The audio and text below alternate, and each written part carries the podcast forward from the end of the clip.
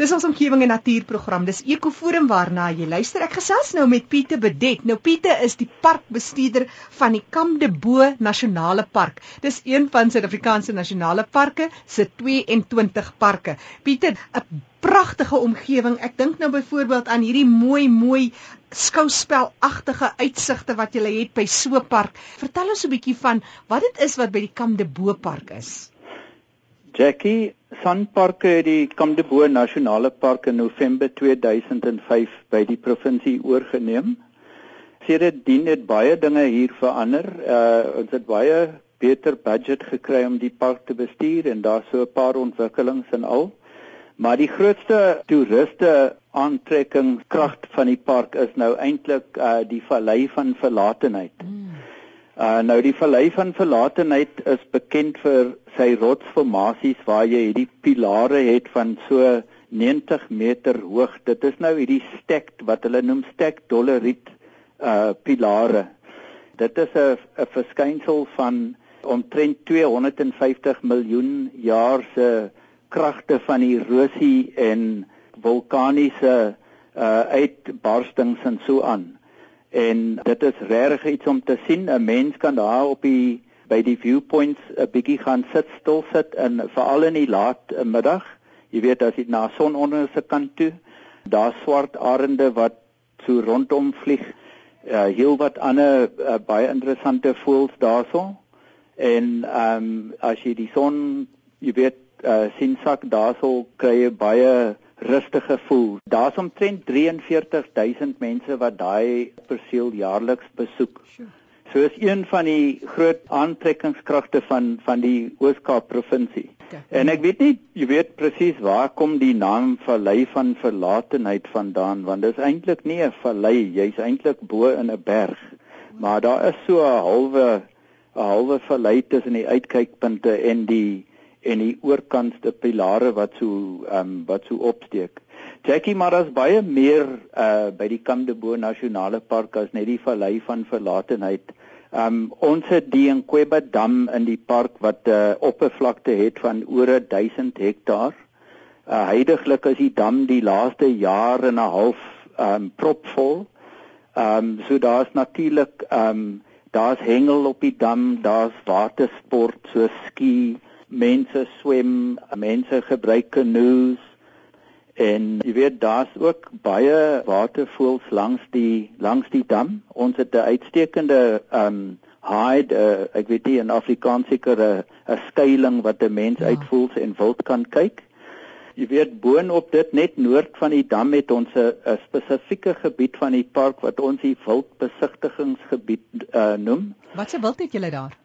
Jackie, ons het al die inheemse diersoorte wat hier voorheen voorgekom het behalwe dit nou wat jy weet gevaarlik is vir mens of eiendom soos leeu's en en so aan. Uh hyenas en en nog uh, jy weet sulke groot karnivore wat uh, skade kan maak in die aangrensende boere se plase.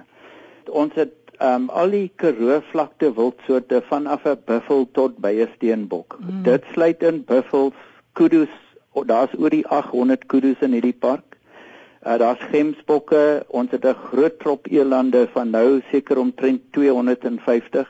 Daar's rooi hartbeeste, swart wildebeeste, blesbokke, springbokke, ook 'n paar honderd van hulle.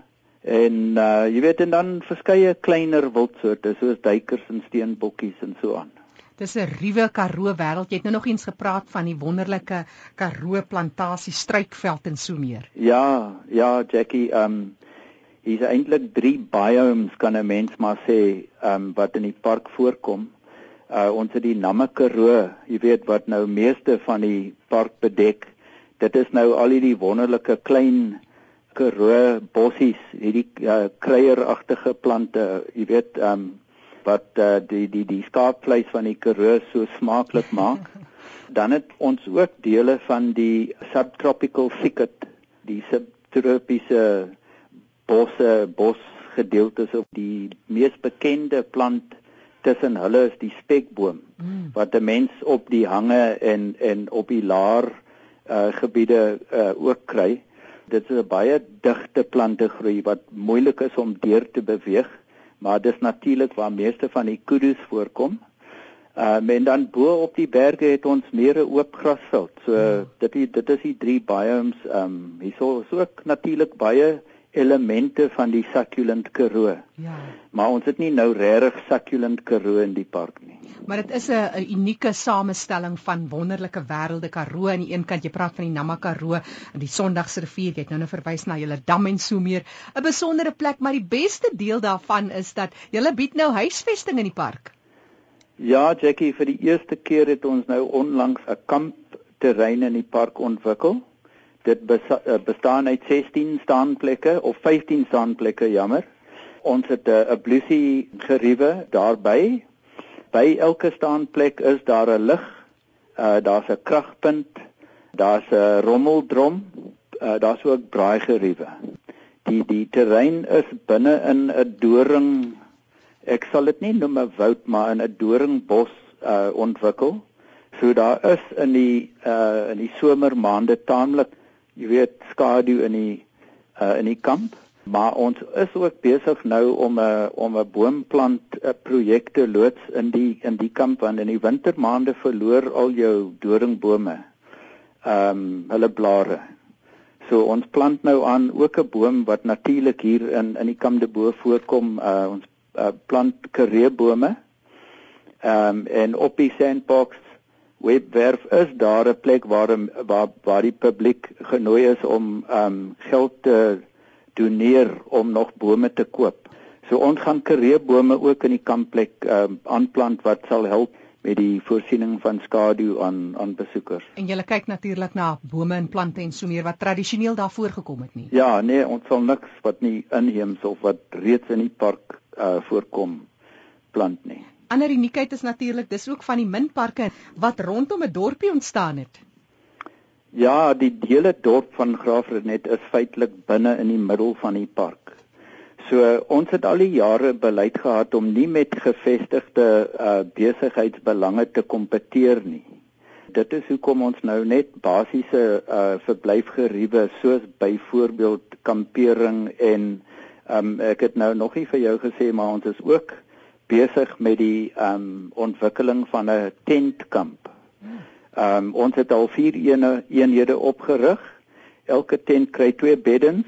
Jy weet 'n kassie tussenin, daar's 'n lig, daar's 'n yskassie, vloermatte, ehm um, en 'n paar ander goeders.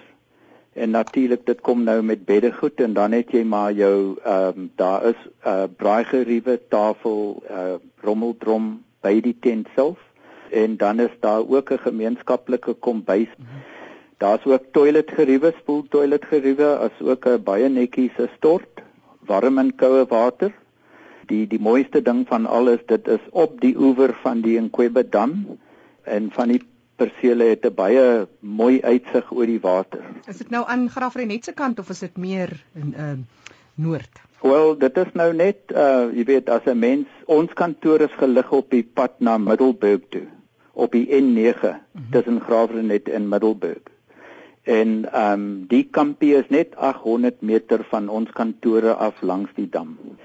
So 'n baie mooi atmosfeer daarso. Ek dink dit gaan baie gewild wees met mense. Mense kan al reeds bespreek op die Sandbox besprekingsstelsel. Uh besprekings vir die tentkamp is ook uh vanaf die 1 April en besprekings vir die kampplek of die campsite is al reeds oop van die 1ste Maart. Gee 'n bietjie vir ons sy webtuiste Pieter. Dis www.sandparks.org. En so gesels Pieter Bedet, hy is die parkbestuurder van die Kamdebo Nasionale Park. Is jy lus om jouself 'n bietjie te vergeet, dan is die Vallei van Verlatenheid dalk net die plek om hierdie jaar te besoek. Een van Sanparks se 22 nasionale parke, die Kamdebo wat nou voorsiening maak vir die publiek om bietjie te kom kuier en te kan oornag. Net gou-gou weer hy webtuiste, dis www.sandparks.org.